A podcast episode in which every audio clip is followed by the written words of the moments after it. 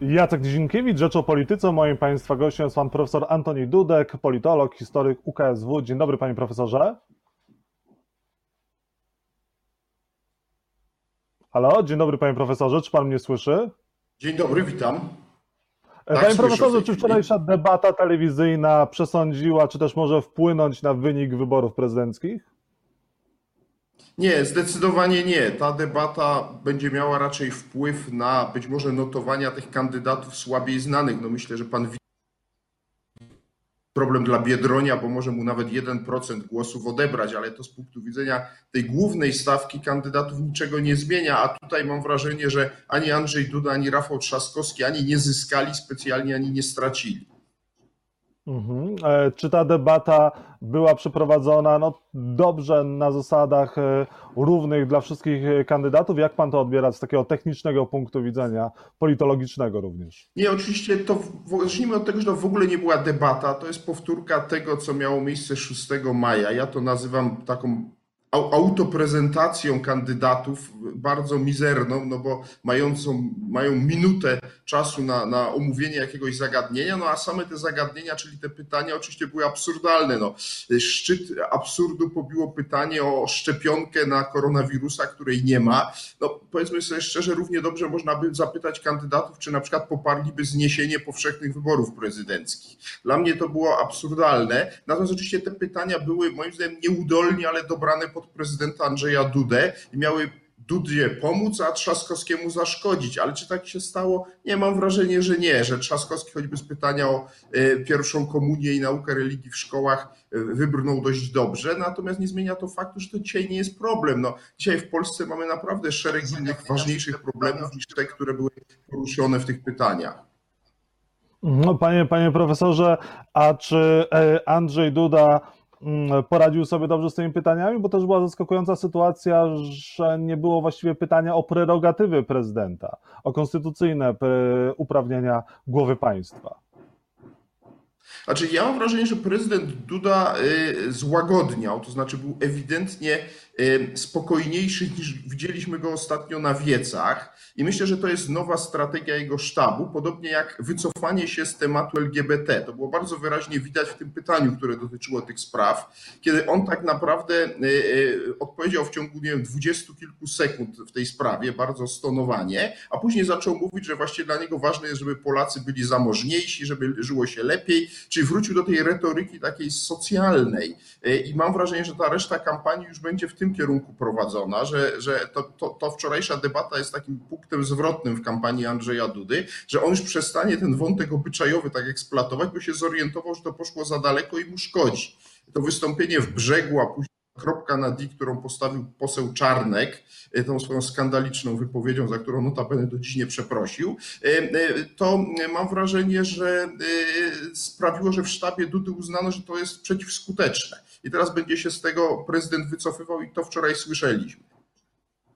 A czy ta kwestia LGBT może w jakimś stopniu wpłynąć na wybory prezydenckie? W moim przekonaniu ona jest przeceniana. Y, to znaczy, ja nie sądzę, żeby to było coś, co będzie y, ważyło o y, zachowaniu Polaków, zwłaszcza w drugiej turze. Oczywiście jest pewna nieduża grupa, dla której ta sprawa jest bardzo ważna. Ona poprze Rafała Trzaskowskiego, natomiast dla tego wyborcy tak zwanego centrowego, który gdzieś tam właśnie gdzieś się przemieszcza na tym polu ziemi niczyjej, coraz zresztą mniejszym, między Platformą a PiSem, między Dudą a Trzaskowskim, to dla nich nich ta sprawa nie jest jakoś fundamentalnie ważna. No, byłaby, gdyby prezydent Duda poszedł w kierunku posła Czarnka, to znaczy gdyby zaczął powtarzać to, co mówił poseł Czarnek, no to niewątpliwie wtedy by to odrzuciło tych umiarkowanych centrowych wyborców. Ale ponieważ prezydent Duda się zaczyna wycofywać, to mam wrażenie, że za 3,5 tygodnia, kiedy będzie druga tura, ta sprawa, chyba że ktoś ją podgrzeje na nowo, nie będzie już taka istotna. Myślę, że tutaj się pojawią nowe tematy. No w tej chwili na pewno prezydent Duda próbuje, e, e, że tak powiem, wzmocnić swoje notowania które były jednak słabnące tą wizytą w Stanach Zjednoczonych i mam wrażenie, że teraz ten ostatnia faza kampanii przed pierwszą turą będzie zdominowana przez, przynajmniej w przypadku prezydenta Dudy, przez pokazywanie właśnie tego ogromnego sukcesu, że oto e, przywódca supermocarstwa Donald Trump przyjmuje e, Andrzeja Dudę w Waszyngtonie jako pierwszego po epidemii, prawda, przywódcę, no, udziela mu poparcia. Na tym PiS będzie próbował e, budować jakby przekaz do Polaków. A to jest tak, że Stany Zjednoczone powinny ingerować w jakimś stopniu w kampanię wyborczą, wybory prezydenckie, no bo to, to chyba jest ewidentne. No to jest oczywiście ewidentne, no to jest wielkie pytanie w ogóle o stan relacji polsko-amerykańskich i o tego typu działania. Ja tylko jako historyk mogę powiedzieć, że to nie jest nic nowego. No, to się zaczęło e, w roku 90, e, kiedy po wyborach prezydenckich e, Amerykanie bardzo sugerowali Lechowi Wałęsie, że następnym premierem po Tadeuszu Mazowieckim powinien zostać Leszek Balcerowicz. Tyle tylko, że nie robili tego publicznie, a Balcerowicz ostatecznie nie chciał być tym premierem, więc nim nie został. Został wicepremierem i ministrem finansów w rządzie Jana Krzysztofa Bieleckiego. Ale od tego czasu ja nie twierdzę, że przy okazji każdego formowania rządu Amerykanie w to ingerują, ale się tym bardzo interesują, doradzają. No tyle tylko, że y, nie czynią tego oczywiście w sposób otwarty, no bo to by nas y, y, kompromitowało zupełnie. To jest raczej skrywana tajemnica kolejnych ekip rządowych. Natomiast prawda jest taka, że Polska od roku 90 jest w amerykańskiej strefie wpływów i nie powinniśmy tego ukrywać, bo to są twarde fakty. A te obrazki prezydenta Andrzeja Dudy z prezydentem Stanów Zjednoczonych pomogą Andrzejowi Dudzie w kampanii? Myślę, że tak. Oczywiście nie wiemy, jak to zostanie pokazane. Nie wiemy, czy tam się nie pojawią jakieś e, protesty, na przykład środowisk LGBT amerykańskich po tym, co PiS już urządził w tej sprawie i to by wtedy troszkę zaszkodziło temu wizerunkowi, ale na pewno zdjęcie w Białym, Domie, w Białym Domu czy przed Białym Domem z prezydentem Trumpem Dudzie doda trochę głosów. To nie znaczy oczywiście, że dzisiaj proamerykańcy w Polsce już jest tak silny jak 10 lat temu czy, czy, czy 20. On pewnie osłabł, ale to ciągle jest bardzo ważny czynnik. To znaczy kontakt z żadnym innym politykiem e, poza Polską nie daje tak dużo jak kontakt z prezydentem Stanów Zjednoczonych. No, może jeszcze z Ojcem Świętym, gdyby Duda był w stanie sobie załatwić na przykład przed drugą turę audiencję u papieża Franciszka, to, to, to pomogłoby jeszcze bardziej, ale to właściwie jest rzeczywiście duży sukces ta, ta wizyta, jeśli do niej dojdzie, bo zakładam, że dojdzie. No nie ogłaszano by czegoś na kilka dni przed, gdyby to miało się nie odbyć. A to nie jest tak, że zyska prezydent Polski, ale może stracić Polska, ponieważ ten, w tych negocjacjach e, Andrzej Duda no, będzie mógł e, ustąpić. Znamy Donalda Trumpa, wiemy, że jest biznesmenem, wiemy, że jest e, graczem, który potrafi wykorzystać pozycję swojego negocjatora, tym bardziej takiego, któremu zależy bardziej. No oczywiście istnieje takie ryzyko, jeśli znowu Polska e, e, kupi jakąś bardzo zaawansowaną broń w Stanach Zjednoczonych, której na, jest dyskusyjne, czy potrzebujemy, a zwłaszcza w sytuacji no, tego e, recesji, która się zaczyna. Ja cały czas uważam, że w Polsce e, pochopnie została podjęta decyzja o zakupie myśliwców F-35, którą PiS przedstawia jako olbrzymi sukces. Uważam, że to jest ogromny wydatek, e, który w istocie rzeczy nie jest Polsce potrzebny, bo po prostu kupujemy ultranowoczesną broń, która nie jest kompatybilna z całym naszym pozostałym systemem obronnym, który jest dość zacofany. I to jest trochę tak, jakby sobie ktoś kupił, prawda, do, do, do dzisiaj standardowego wyposażonego mieszkania, prawda, e, jakieś super urządzenie AGD, prawda, które e, delikatnie mówiąc, no nie, nie będzie koegzystować dobrze z całą resztą urządzeń. Czyli do czego zmierzam? To znaczy, y, y, y, istnieje takie ryzyko, że rzeczywiście jakieś zobowiązania Polska kolejne podejmie finansowe wobec Stanów Zjednoczonych, ale w tej chwili liczy się efekt wizerunkowy. No to jest tak jak z reakcją na epidemię. No mamy wyraźnie wzrost zachorowań, a mimo to władze nas uspokajają. Dlaczego? No, żeby to nie zaszkodziło Andrzejowi Dudzie. W tej chwili absolutnym priorytetem dla rządzących jest reelekcja Andrzeja Dudy i podejrzewam, że różne działania jeszcze zostaną wykonane, które niekoniecznie muszą być korzystne dla Polski, ale są korzystne, czy w założeniu tych, którzy je będą podejmować, będą korzystne dla Andrzeja Dudy. Mhm. A co z kontrkandydatami? Oni chyba pozostaną dosyć bezbronni w tym starciu e, z obrazkiem, na którym będzie prezydent Polski z prezydentem Stanów Zjednoczonych. Wie pan, no pewnie tak, chociaż y, być może sztab Rafała Trzaskowskiego jest w stanie mu załatwić, jeśli nie przed pierwszą którą to przed drugą jakieś ważne spotkanie w Unii Europejskiej, czy wśród którymś z państw Unii Europejskiej, żeby też pokazać, że on ma pewne kontakty. To oczywiście nie przebije e, e, rozmowy z prezydentem Trumpem, no ale to też byłaby jakaś forma pokazania, że Rafał Trzaskowski też ma kontakty międzynarodowe. Na miejscu jego sztabu zacząłbym takie rozmowy. Pewnie jak mówię, to się przed pierwszą turą już nie uda, ale to może uda się przed drugą turą takie spotkanie zaaranżować. Natomiast też nie, nie, nie, uważam też, że nie należy przeceniać znaczenia tej, tego spotkania z Trumpem, bo ja powiedziałem, że na tym będzie budowało PiS tą narrację przed pierwszą turą, ale pamiętajmy, że to raczej nie pozwoli wygrać prezydentowi Dudzie w pierwszej turze, czyli czeka nas druga tura i, i w tej drugiej turze odbędzie się mimo wszystko plebiscyt na temat dalszych rządów Prawa i Sprawiedliwości. I tutaj spotkanie z Trumpem już nie jest tak istotne, bo tutaj będzie decydował całokształt oceny. Ja twierdzę, że nawet to, jak wypadną ci kandydaci w debacie, która nas czeka, takiej prawdziwej debacie, bo zakładam, że po pierwszej turze odbędzie się przynajmniej jedna taka rzeczywista debata Dudy z Trzaskowskim, to po tym, co ja zobaczyłem wczoraj, mam wrażenie, że tu też nie będzie jednoznacznego zwycięstwa. Znaczy, obaj panowie gładko wygłoszą swoje narracje. Y, będą oczywiście jakoś tam ze sobą polemizować, ale w granicach powiedziałbym ogromnej ostrożności, żeby nie powiedzieć o jednego zdania za dużo. I po takiej debacie zwolennicy Dudy się umocnią w tym, że on wygrał, a zwolennicy Trzaskowskiego, że to Trzaskowski był lepszy. Y, I tyle. No, jak dzisiaj śledziłem y, komentarze internautów po tych debatach, które były, pseudodebacie, która była wczoraj, to było widać, że ci, którzy są zwolennikami konkretnego kandydata, uważają, że on wypadł najlepiej. Znaczy, bardzo niewiele widziałem komentarzy mówiących, że nie doceniałem kandydata X, no ale teraz widzę, że on jest znakomity. Y, czyli mówiąc inaczej, mam wrażenie, że ten przebieg kampanii raczej utwierdza ludzi w wyborach już dokonanych. Natomiast ta grupa niezdecydowanych jest na tyle niewielka, że my nie jesteśmy jej w stanie zlokalizować i precyzyjnie ocenić, jak e, ona się przemieszcza, jak się będzie przez te trzy tygodnie przemieszczała, a to ona rozstrzygnie, dlatego że no, z tych sondaży, które widzieliśmy niedawno, e, symulacji drugiej tury, widać, że różnica między Dudą a Trzaskowskim oscyluje między 1 a 2%. Czyli to jest tak naprawdę niezwykle nieduża różnica, co pokazuje, że my do końca nie będziemy wiedzieli, który z tych kandydatów y, zyska przewagę i wygra te wybory. A który z tych kandydatów ma większe możliwości poszerzenia swojego elektoratu? Andrzej Duda czy Rafał Trzaskowski?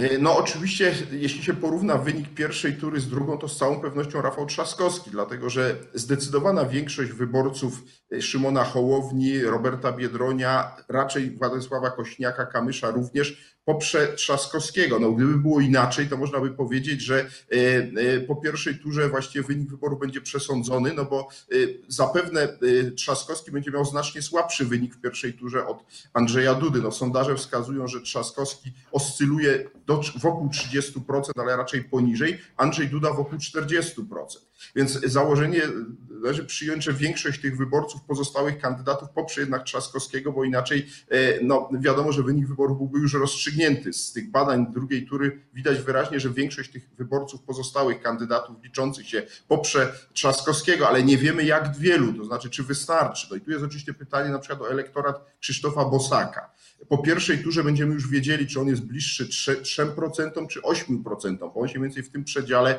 e, przemieszcza. Jeżeli bliższy 8%, to znaczy, że jest bardzo znaczący i on może przeważyć szale. No właśnie, pytanie, czy na korzyść prezydenta Dudy, bo tu są różne interpretacje. Jedni twierdzą, że wyborcy Bosaka się bardziej przesuną w kierunku Dudy, inni, że w kierunku Trzaskowskiego, a ja nie wykluczam też, że po prostu zostaną w domu, to znaczy albo skreślą obu kandydatów. Więc jak się ułożą proporcje tych, między tymi trzema grupami to jest kompletnie nie do przewidzenia. Także ja mam wrażenie, że będziemy mieli no bardzo ciekawą tą, tą drugą turę e, i do końca nie będzie znany jej wynik. Co więcej, nawet te e, exit poll, które się mogą ukazać e, natychmiast po zamknięciu punktów wyborczych, mogą nie być miarodajne przy tak niedużej różnicy, czyli może nas czekać bardzo drobiazgowe liczenie głosów i naprawdę nieduża różnica rzędu na przykład 100 tysięcy głosów, co przy tym, że pewnie obaj kandydaci dostaną powyżej 8 milionów, bo zakładam, że frekwencja może sięgnąć w drugiej turze 60%, czyli w grę wchodzą e, liczby typu po 8 milionów, bądź nawet 9 na każdego z kandydatów, e, to e, liczba 100 tysięcy głosów jest po prostu znikoma. I to zresztą może zrodzić określone konsekwencje, jeśli chodzi o uznawanie wyników wyborów, no ale to zostawmy na, na, po 12 lipca. Mhm. E, a ma pan takie poczucie, że Rafał Trzaskowski próbuje wychodzić z jakąś inicjatywą, próbuje też pozyskać e, Polskę tak zwaną powiatową, bo wiemy, że to nie duże miasta, nie ten elektorat, który stoi za Trzaskowskim, zdecyduje o wyniku wyborów.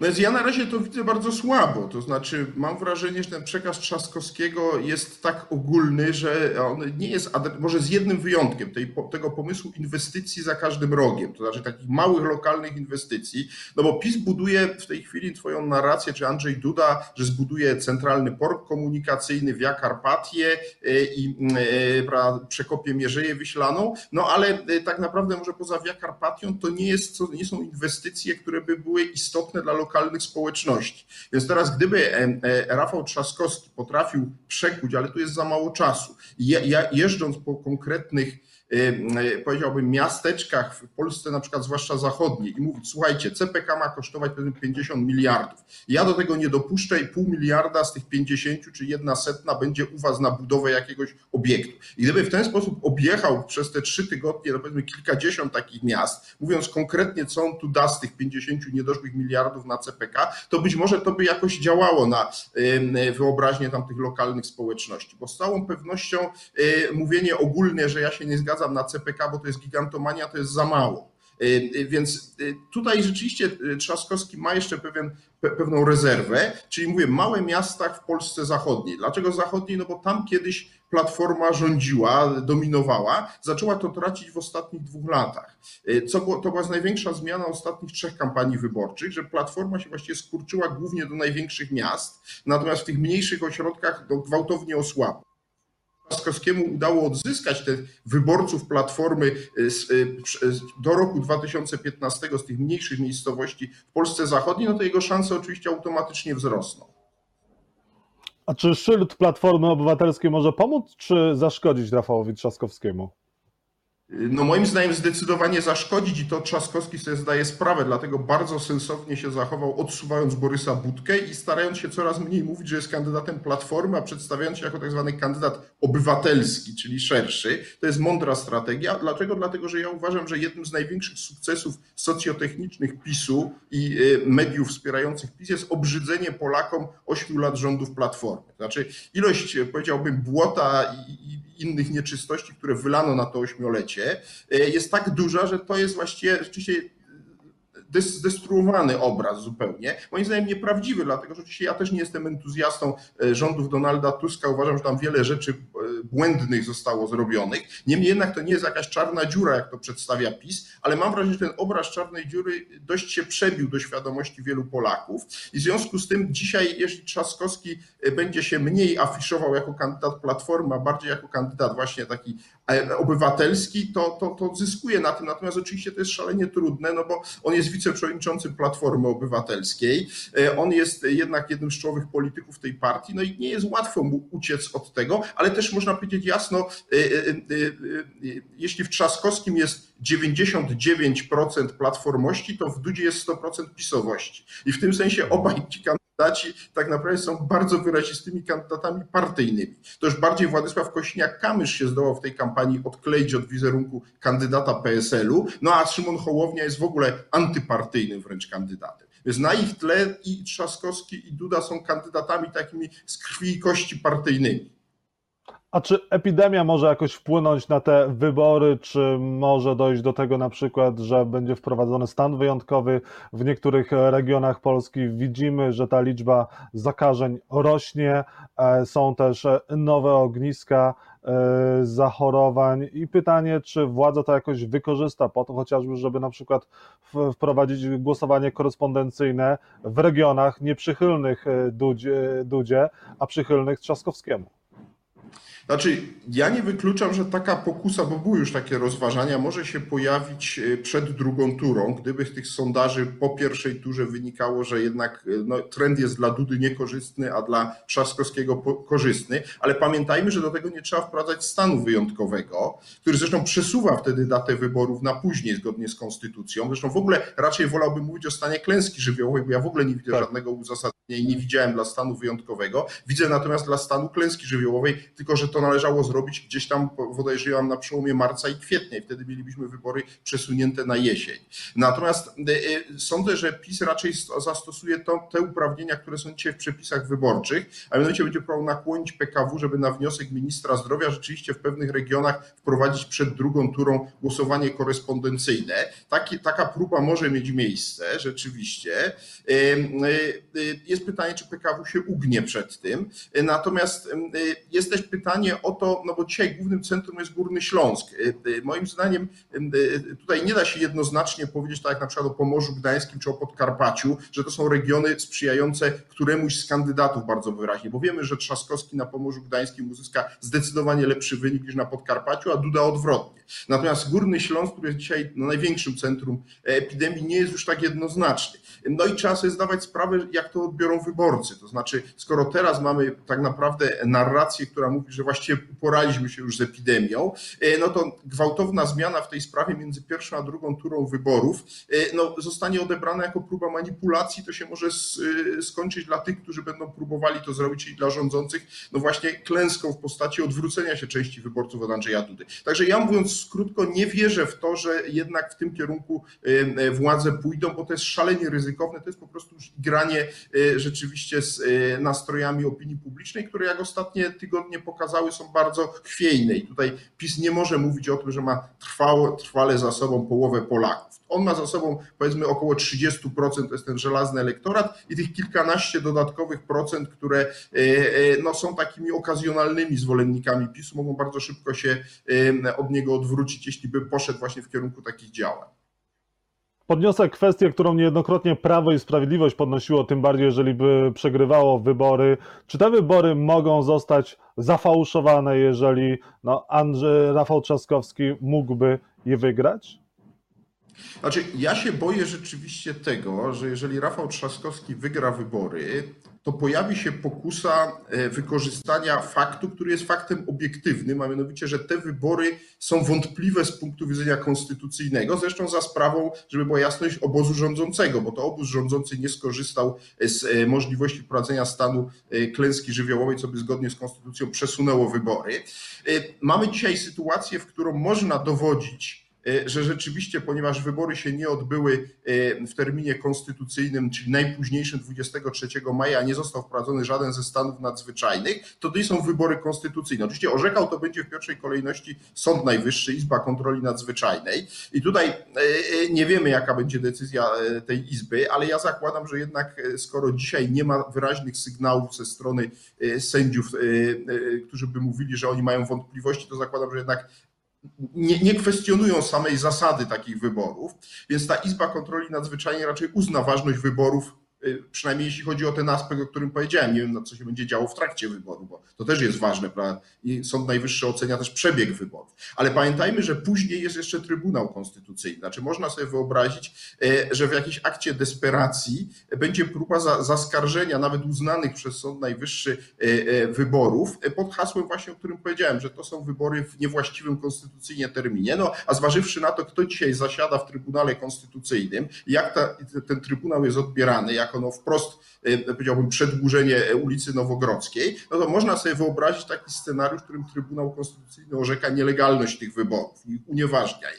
To oczywiście wywołałoby gigantyczny konflikt polityczny, także ja zakładam, że jest to mało prawdopodobny scenariusz, natomiast no, e, warto o nim mówić, choćby po to, żeby się nie zrealizował, dlatego że to byłby scenariusz już w istocie rzeczy e, no, zupełnie ustanawiania rządów autorytarnych w Polsce, no, wprost to trzeba powiedzieć.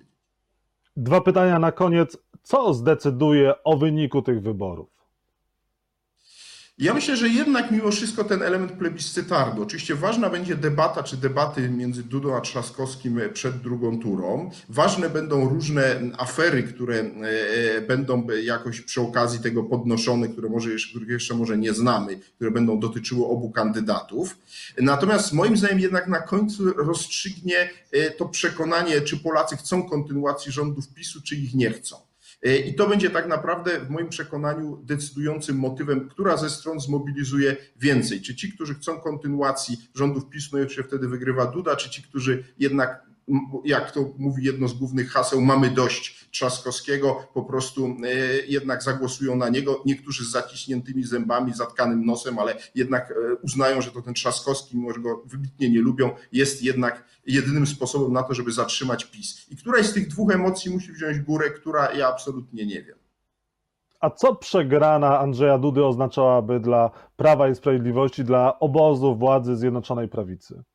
No oczywiście początek końca. Tutaj Rafał Trzaskowski i inni, którzy to już sformułowali, mają rację. Tylko nie wiem oczywiście, jak długi będzie to koniec, bo to nie jest też tak, że natychmiast, prawda, po zwycięstwie Trzaskowskiego PiS oddaje władzę. No, ciągle ma większość w Sejmie, a to jednak większość w Sejmie konstruuje rząd. Nie ma szans tam raczej na alternatywną większość. Natomiast zaczyna się ciężki kryzys, no bo prezydent Trzaskowski niewątpliwie będzie bardzo często korzystał z prawa weta i to we wszystkich istotniejszych dla PiSu ustawach.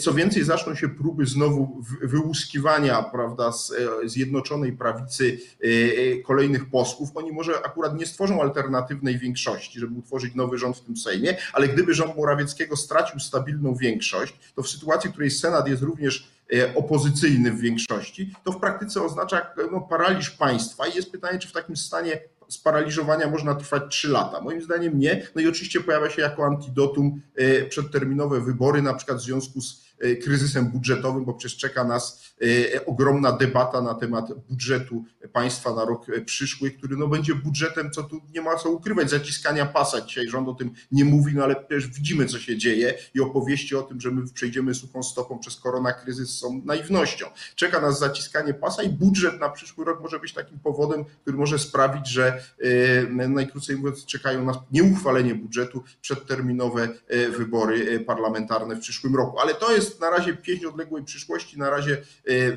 Andrzej Duda ciągle ma szansę wygrać te wybory e, w lipcu i w związku z tym taka dyskusja jest już naprawdę political fiction. Dziękuję bardzo za rozmowę. Moim Państwa gościem był pan profesor Antoni Dudek. Dziękuję bardzo.